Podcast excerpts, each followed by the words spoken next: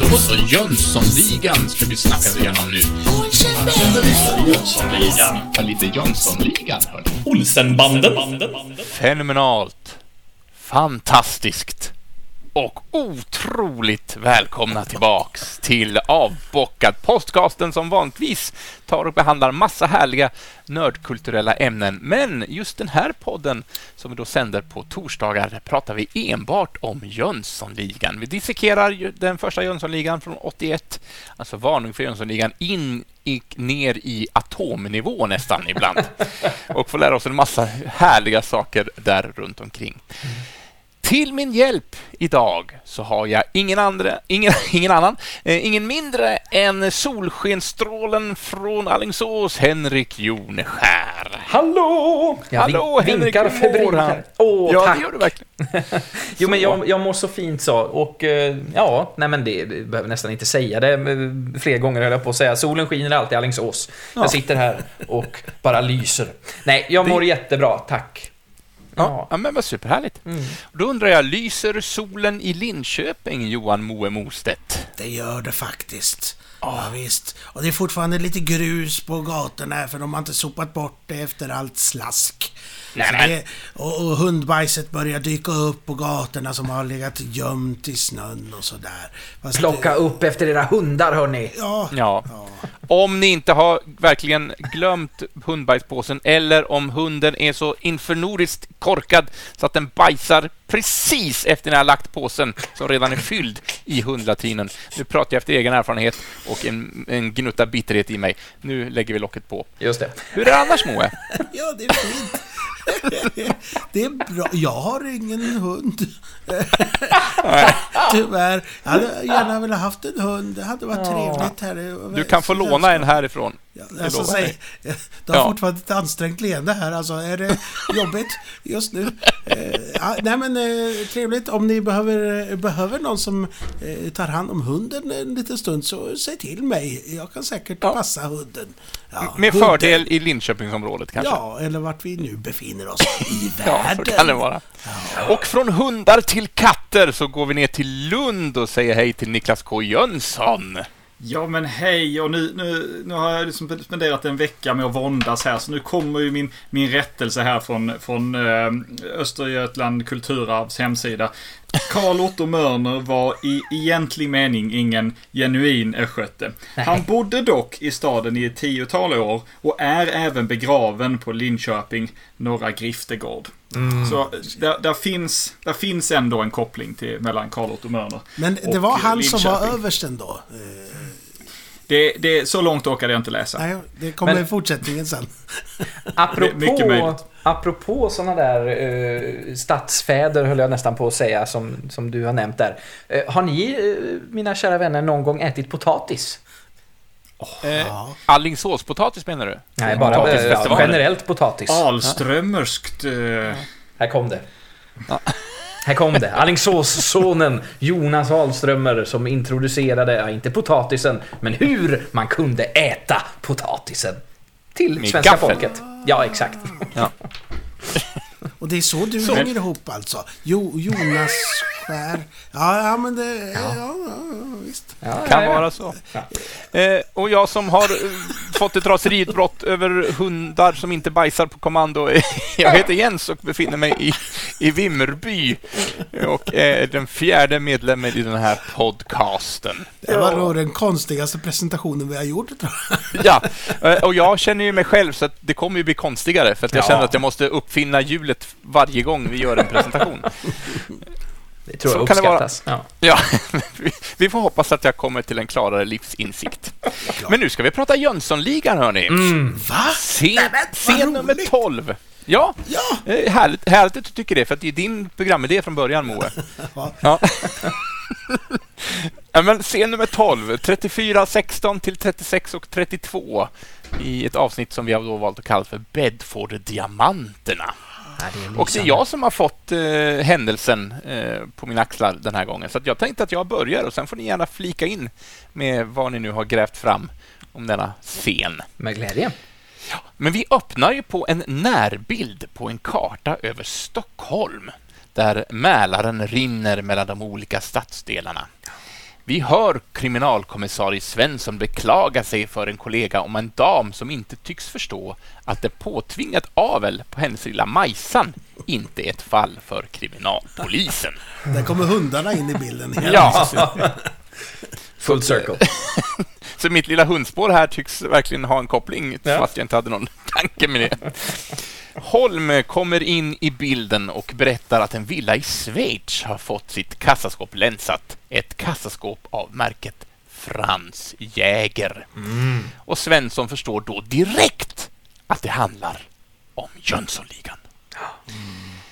Vi klipper till Svensson och Holm. De är i rörelse. De travar genom vad jag gissar är polishusets korridorer, men jag har inte fått det bekräftat. Eh, där de informativt berättar för oss tittare att det som har blivit stulit är Bedford-diamanterna. Världens dyraste diamantsamling i privat ägo. Och då, då undrar ju alla lyssnare och eh, vi också naturligtvis, vad är egentligen en diamant för någonting? Ja. Det har, man ju aldrig vetat för. Det är väl det- eh, nå- något glas? Ja, man kan tro det nämligen. Det ser ju ut, eller kan se ut som glas. Men diamanter, det är en form av kol. Och då menar jag inte grönkål och sånt, utan alltså eh, annan kol. Helt enkelt. Det är en form Okej. av kol som är extremt hård eh, och används därför bland annat inom industri som skär och slipmedel.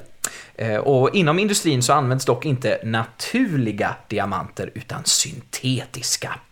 För det är nämligen så här, god vänner, att diamanter klassas nämligen som ädelstenar i sitt naturliga format och de är ju därför väldigt eftertraktade. Eh, och i sitt naturliga oslipade format så kallas de då för rådiamanter. Eh, och bildas under högt tryck och temperatur på cirka 150 till 200 kilometers djup i jordens övre mantel, alltså mellan jordskorpan och jordkärnan.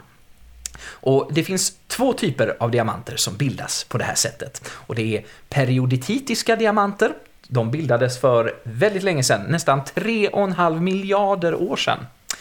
Och sen, den andra typen, då är det eklogitiska diamanter som är mellan 900 till 2,9, 900 miljoner till 2,9 miljarder år gamla. Eh, Eh, Diamanterna de transporteras till jordens yta med hjälp av vulkaniska magmor. Det ja, trycks upp till jordytan helt enkelt, där, där vi människor kan hitta dem då sen. Ja, vilken långkok det är alltså. ja, det är ett riktigt långkok. Det är inte som sylten, eller? Nej. Nej. 2,9 miljarder år och 40 minuter. Ja, då. Så här veckan. Ja, jag var imponerad över mig själv. Jag gjorde eh, bolognese eh, för några dagar sedan och det, fick koka i sju timmar. Eh, Jäklar! ja, det, men det var inte i närheten av de här diamanterna. Men diamanter kan också bildas vid meteor, meteor, jag kan inte prata, meteoritnedslag. Eh, för då uppstår det nämligen plötsliga tryck och temperaturhöjningar eh, vid nedslagsplatsen. Men hörni, syntetiska diamanter, de bildas istället i högtrycksmaskiner eh, och de blir därför inte mm, oftast lika stora eller de blir, har oftast någon färg, de är inte färglösa, de här syntetiska diamanterna. Och syntetiska diamanter har tillverkats sedan 1953 och uppfanns av svensken Erik Lundblad. Men, Visst. Och en diamants kvalitet, eh, framförallt de här naturliga diamanterna, eh, graderas och värderas utifrån fyra kriterier. kriterier. Färg, renhet, slipning och karat, eller vikt. Och världens dyraste diamant, hittills, det är den som heter Pink Star, som såldes 2013 för hur mycket då tror ni? 10 kronor. one million dollar. Jens, har du någon gissning? Ja, men 46 mille dollar. 540 miljoner svenska kronor. Cirka något, något annat i Ja, dollar. Ja, men fem, för, 46 eller något. Ja, ja, något är det. Eh, det. Det var det jag hade om diamanter. Men vad, vad hette den sa du? Pink Star? Pink Star, ja. Ja, har det någonting med Pink Panther, Peter Sellers, eh, att Eh, göra? Allt. Det har allt, Allt, att ja. göra med Peter Sellers Pink Panther. Men eh, Pink, alltså Rosa Pantern är väl en diamant nu? Det var jättelänge sedan jag såg första filmen. Men är det inte så? Stämmer att det, bra. Det är så? I första ja. filmen är det en diamant som heter Pink Panther och sen fick det leva kvar fast de andra filmerna inte handlar om en diamant. Just det. Ja, det. Så det säkert att det hade någonting med, med den, att de tog idén. Ja. Ja, Fast den andra eh, Pink Panther-filmen heter ju faktiskt A Shot in the Dark. Men den sålde inte lika bra så då bytte man, tog man in titeln Pink Panther igen för att Mm. det skulle sälja bättre. Ah, Eh, det var ett sidospår. Men, men, men du, eh, Jens, eh, du, Ja. du sa sen att de, att de klippte där för att det skulle bli intressant när de berättade handlingen. Eh, och det, det är något som jag reflekterar över att det, det är ett känt knep där att för, för att få expo- expositionen att vara intressant eh, om diamanterna och handlingen i filmen så, så har de gjort olika nedslag på vart de är någonstans när de berättar detta. Så att det inte bara blir ett tugg så som i den här podden. Precis. Bra, bra analys där. Ja, Ja. ja för de Eh, är och- i duschen och de är på skjutbana sen va? Och, eh, Ja, precis. Vi får ju följa dem i ett ganska långt utlägg medan vi då får se dem övningsskjuta och, och ha en mycket noggrann dusch tillsammans. Men det är också så att de avslutar mitt i övningsskjutandet för att då vara knäppt tysta så att de kan fortsätta prata när de väl har klivit in i duschen. Just det. Eh, Så att, så att vi som tittar inte missar någonting av den här informationen som de, som de berättar.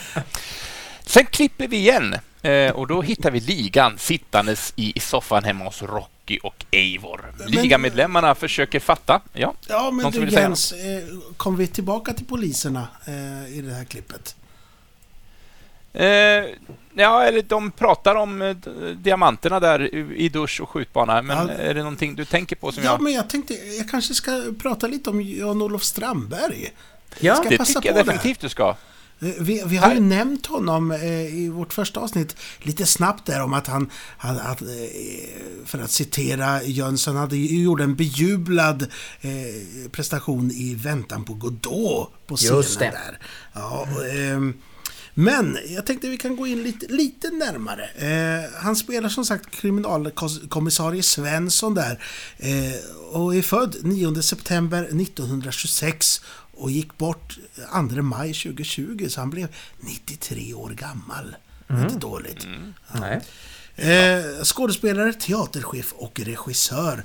Han gick eh, Dramatens elevskola 48 till 51 och arbetar sen på Uppsala stadsteater och arbetar eh, även på Göteborgs stadsteater. 1964 så engagerades han av Dramaten och blev chef där 1975, alltså eh, 11 år senare, fram till 1981. Det här året alltså. Då kände Ja, det. nu ska jag eh, känna hur jag själv kan överleva där ute på, eh, på, på marknaden. Så att Just det. Ja. eh, Tillsammans med dramatikern och skådespelerskan och regissören Anita Blom har de sonen Mikael Strandberg som gått i föräldrarnas fotspår och också är allting som jag nämnde ovan. Eh, han är ju främst teaterman den här, eh, den här Jan-Olof. Eh, men han har gjort rätt så mycket film. Han har gjort eh, Sången om Stockholm 1947 om jag läst, skrev rätt där. Sen har Mannen som slutade röka, nämnde vi ju för, för några avsnitt sen. Eh, från 72. Kvartetten som sprängdes har vi också nämnt förut, 73. Och eh, den här då. Och Resan till Mel Melonia. Melania tänkte jag Ja. säga. Det är någonting annat. ja, Han är William, poeten. ja, fint. Ja. Eh, eh, och det sista jag tänkte nämna om honom, det är ju vart jag känner igen honom ifrån. För jag har ju suttit och tänkt det hela tiden. Det är ju inte från Godot, för den har jag inte sett med honom. Nej. Eh, men det är ju Goda Grannar. Ni vet ju att jag är en Goda Grannar-älskare. Ja, han, han är brigadgeneralen, han är översten. Klas Rylander där, grinig gubbe. Ja. Men eh, kär vän till mig tänkte jag säga. Ja. Nej men eh, det, det var lite om honom. Eh, Ja. Lite ändå på ytan men eh, fin skådis tycker jag. Mm. Han, har, han har någon slags sån här morfarröst tycker jag. Eh, Ja. Absolut. Ja. Det håller jag fullt med om. Men han är, han är också liksom ett, ett ankare i hela historien som liksom som håller tillbaks den här mycket excentriske unge Holm och, eh, och ligans eh, sned. Men han är, han är the straight guy, Mm. om man ska använda en, komisk term. Liksom, och, eh, är liksom det, den förankringen som sådana här filmer faktiskt behöver. Oftast kallat den tråkiga rollen eftersom alla vill ju vara de roliga. Ja, precis. Men eh, absolut en mycket eh, behövlig och viktig roll för att det ska funka. Mm. Ska vi hoppa över till eh, hem till Rocky och Eivor? Ja, men och det se gör vi. vad som händer där. Ja. Vad sysslar de Eh, med? Ja, men de sitter ju i soffan hemma hos, eh, i den här Stockholmslägenheten och ligamedlemmarna försöker ju fatta att det handlar om 20 miljoner dollar. Rocky är också väldigt övertygad om att det, så mycket pengar finns ju inte, säger han. Eh, Sickan påvisar ett- med ett mycket bittert ansiktsuttryck. Vanheden anser att eh, de ska sätta fart, men Sickan insisterar nej, vi ligger lågt och låter de andra göra grovjobbet. Vanheden, han vänder kappan efter vinden och ändrar sig snabbt med tanken ja, så ska det låta. Silkesvantarna på från början, vet du. Planen nu är att de ska få Wallenberg att sälja diamanterna och Rock undrar vem skulle vilja köpa dem? Varpå Sickan kommenterar med gissa. Och där klipper vi till scenen. Oj, ja, ja, det är redan alltså. Men, men, men eh, intressant är att Vanheden har ju vänt då. Han var ju lite negativ i förra scenen vi såg. Ja. Eh, Ja, men nu, nu är det miljoner på gång, vet du. Så då gäller det att- Och då gamla är, yuppie-killen, gammal, liksom. då är gammal vänskap faktiskt värd någonting. Jag, jag glömde ju säga, på tal om absolut ingenting. Bra jävla tanline på Strandberg där när de duschar alltså. ändå, ändå han har, han har, han har liksom solat... Han har solat med, med, med badbrallorna på alltså. Det, det, det är bra. Ja, det, det, är fint, det är fint. Jag tycker det, jag tycker det är så eh, fräckt. Jag är inte hundra på om det är den här eller den förra. För han, han har, Sickan har ju skrivit sin plan på sin skjorta liksom. Eh, och det, det tas ju upp i senare filmer. eh, I synnerhet kommer det väl till sin kulmen i, i Svarta Diamanten. Att, att han just att han, han kan inte låta bli Nej. att forma planer. På något sätt. Han, han måste skriva. Det är liksom den här maniska... Eh, han kommer ju senare att liknas vid den här eh, tyska kriminalgeniet i, på film, Dr. Mabuse. Ja, just det. Eh, som också liksom sitter och bara klottrar planer eh, hela tiden. Att Det är fräckt att, att det är redan här i, i första filmen så ser vi, ser vi, ser vi det nitiska liksom. Mm. Eh, men jag tänkte så här, för vi har pratat om ma- massa olika grejer, men just att diamanterna heter Bedford-diamanterna tycker jag är, är så härligt. För det, det, det, det finns ju inga Bedford-diamanter, de är ju de är en konstruktion för filmen. Eh, men det låter ju som någonting som finns, inte sant? Mhm. Eh, Ja, det ja. låter ju som att det skulle kunna vara ett, någon, någon känd grej liksom. Och Bedford är ju ett, eh, ett eh, jättevanligt ortsnamn, både liksom på brittiska öarna och eh, många ställen i det gamla Commonwealth, många städer i, i USA. Jag vet du hade kollat lite på det, Jones. Men, men jag tänkte, jag, det är ju så att det, det kommer ju från den här den, den, den adelssläkten Bedford. Eh, som, eh, och området Bedfordshire som då tillhör adelssläkten eh, Bedford. Så det finns ju lite på riktigt i det, så att säga. Eh, och de, de eh, har funnits i flera, i flera led, den här adelssläkten. Jag tror de, är, de har blivit adlade fem gånger. Och det är inte alltid som släkterna hänger ihop. Men ibland är det så att de har bytt. De började som örlar. Nu ska jag bara se exakt vad, vad jag skrev upp att örl var för någonting. Eh, du, du, du, eh, örlar, det är grevar i, i England. Eh, och, och, och sen så blir de dukar. Och dukar, det är hertigar. Eh, Så det, det är liksom ett steg uppåt, så att säga. De har faktiskt intressant nog ingen koppling till Indien. Eh, För eh, det, det har ju varit lite prat om diamanter från Indien och så vidare. Jag kommer inte ihåg exakt vad det är de, de säger i, i, i filmen. Men en av eh, Bedfordarna, i den femte versionen av Bedfordarna, var, var iväg lite grann i, i, i, på resor i Indien. Eh, mycket av de brittiska diamanterna kommer från Indien. Eh, och, och, och eh, han, eh, han gjorde någonting där för att han har en oäkta dotter eh, med en indisk kvinna som eh, fäderna till den nuvarande Bed, Bedford-hertigen eh, tog in och hon, hon blev liksom en del av deras familj. Gjorde till, jag vet inte om hon gjordes till äkting, men hon uppfostrades i, i den familjen. Så det finns en koppling till, till Indien och Mm. diamanter, men, men inga, det finns inga släkt, eh, släktdiamanter där. Undrar vad det var Eh, han dessvärre. gjorde där då i Indien eftersom han fick en dotter. Där finns också någon av Bedfordarna som eh, gick med i brittiska nazistpartiet eh, för eh, andra världskriget. Så jag, där grävde jag inte så mycket mer, mer i det. Jag kan också säga att eh, i Robin Hood, den tecknade Robin Hood, alltså Disneys, så heter eh, den brittiska eh, originalröstskådespelaren Brian Bedford. Men jag, inte, jag tror inte han är släkt med, med hertigarna och dukarna av Bedford. Men Nej, det, nej. Disney, har de gjort något mer eh, som ni tycker om? Jag tänkte på... Ja, det är, det, är, det är nästan ett helt avsnitt eh, av den, det Massor. vanliga avbockat.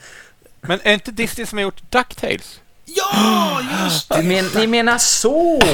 Ja, det, ja, det är ju en väldigt tydlig koppling faktiskt. Det är ju, Har, har man inte, har man inte hängt med från början av våra poddar så är det här väldigt internt. att vi pratar om DuckTales varje gång. Men, eh, därför, lyssna på de andra avsnitten. just det. Ja, innan jag släpper vidare till Jones så ska jag säga också att det finns en film som heter The Bedford Incident.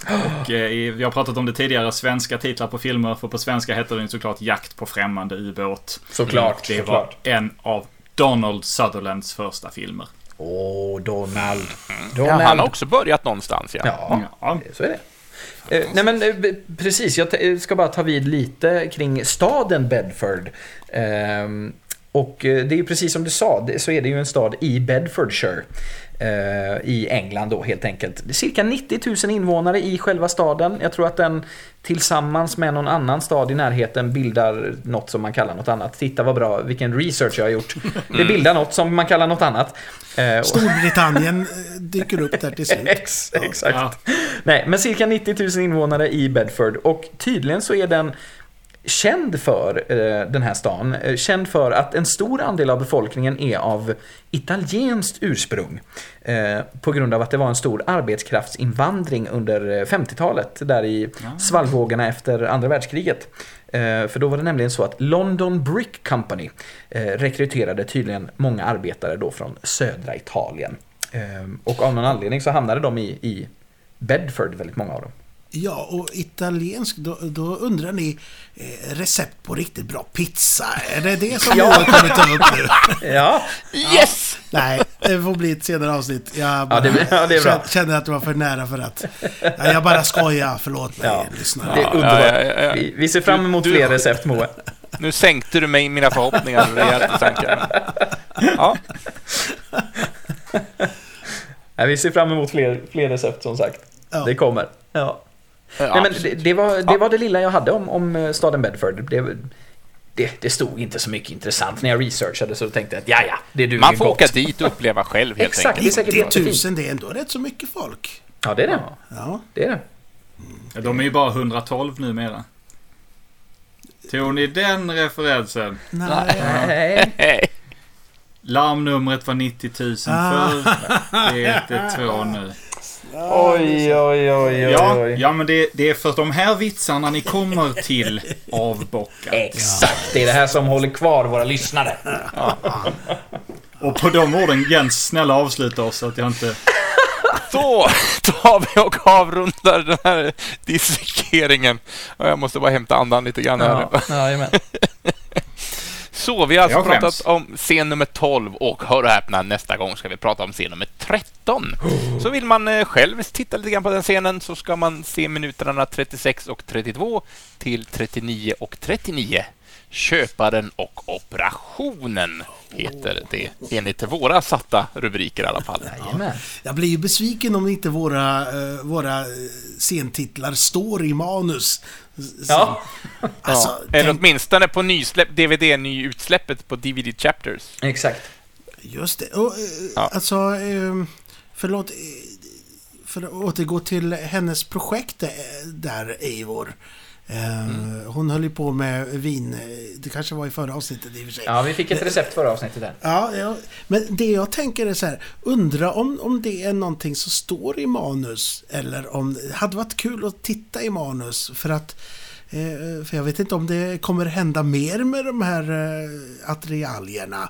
Eh, klinker klink. Eh, om, det står redan där i manus att hon håller på med sådana här projekt eller att, det är, att det är någon i crewet som hittar på där. Ja, jag har ju, som jag nämnde i ett tidigare avsnitt, jag försökte ju kontakta en scenograf via Facebook. Ja, Hon har precis. Inte ännu sett mitt meddelande. Eh, men jag hoppas att hon gör det och att hon känner sig villig att eh, dela med sig av sin, sina eh, erfarenheter med arbeten av filmen. Precis. Så vi håller bara tummarna på att hon gör detta. Ja, men vad fint. Jag, jag, jag, kan ju, jag kan ju pr- prata lite snabbt om, om, om en rekvisitör, men jag tänker, jag tänker så här, det blir en kortis då. För där är ju faktiskt en, en, eh, vi har en rekvisitör som vi inte har pratat om. Vi har pratat om några stycken. Jerry Pilblad har vi inte, har vi inte nämnt eh, än så länge. Han gjorde rekvisita och specialeffekter och ljud till den här filmen, men liksom, han verkar mest ha varit aktiv där 80-81. Jaha. Intressant nog. Eh, han, han eh, totalt fyra filmer som, eh, som eh, rekvisita och specialeffekter. Eh, och det har bland annat Mannen som gick upp i rök. Eh, och där är, det är alltså en, eh, något så intressant som en Beck-film med, med Derek Jacobi. Alltså ingen mindre än K- K- Claudius själv från I Claudius som Martin Beck. Brittisk skådespelare alltså. Och naturligtvis också då Dr. Jana, The Master, Exakt. Doctor Who, om vi nu ska Exakt. vara eh, så på det hållet. Och sen, sen eh, har han varit Alltså, alltså, attributör också. Får jag säga en sak? Jag tänkte, jaha, det var en koppling till den filmen snackade vi om förut. Men jag tänkte ju inte på mannen som gick upp i rök. Jag tänkte på mannen som slutade röka. Det är väldigt roligt att, att de heter så lika. Och det, ja, det var kanske därför han slutade ryka då. Eller, För att han gick upp i rök. ja, förlåt. Ja, det, det, jag, jag har inte så mycket mer. Han, han, eh, han, han sadlade om till attributör från rekvisitör till attributör till eh, eh, bland annat Jönssonligan Dynamit-Harry, det vill säga uppföljaren till den här. Eh, och sen så har han producerat en film, sketchfilmen 1984, som heter Härenstams blandning. Åh. Som eh, är alltså en, en, eh, ja, en film med Magnus Härenstam, sketchfilm, som blivit riktigt utskälld av allt jag kunde se. Det eh, riktigt inte bra ska den vara. Oj då. Eh, jag, jag, jag tittade verkligen bara på lite på skådespelarna och på, på affischen, men det verkar ju vara någon sån här eh, galopperande flugan, eh, snabba sketcher, eh, grejer händer, snarare än ett, ett samlat narrativ. Ja, galopperande flugan är väl fel, men eh, Monty Pythons första film exemp- exempelvis, And Now for something completely different, liksom, att det verkar bara vara små olika blandade sketcher. Ja. Eh, men tydligen inte alls bra, enligt eh, recensionerna. Så Det återstår att se. Om någon har sett den så skriv till oss. ja, gärna det. Detta måste ju undersökas definitivt. Så, eh, men då eh, återigen så säger jag att vi tar och avslutar detta. Jag har faktiskt... Nu är det bra! Nu räcker det! Stopp! nu räcker det! Ja, det är ju Moe som bestämmer hur långt avsnittet kommer att bli sen när han klipper. Så att det, Ja, jag kanske Men- klipper bort allt. Det blir Ja, fem, fem minuters avsnitt. Men scen 13 är det som gäller nästa gång. 36 och 32 till 39 och 39. Köparen och operationen heter avsnittet. Och det, det blir nästa torsdag.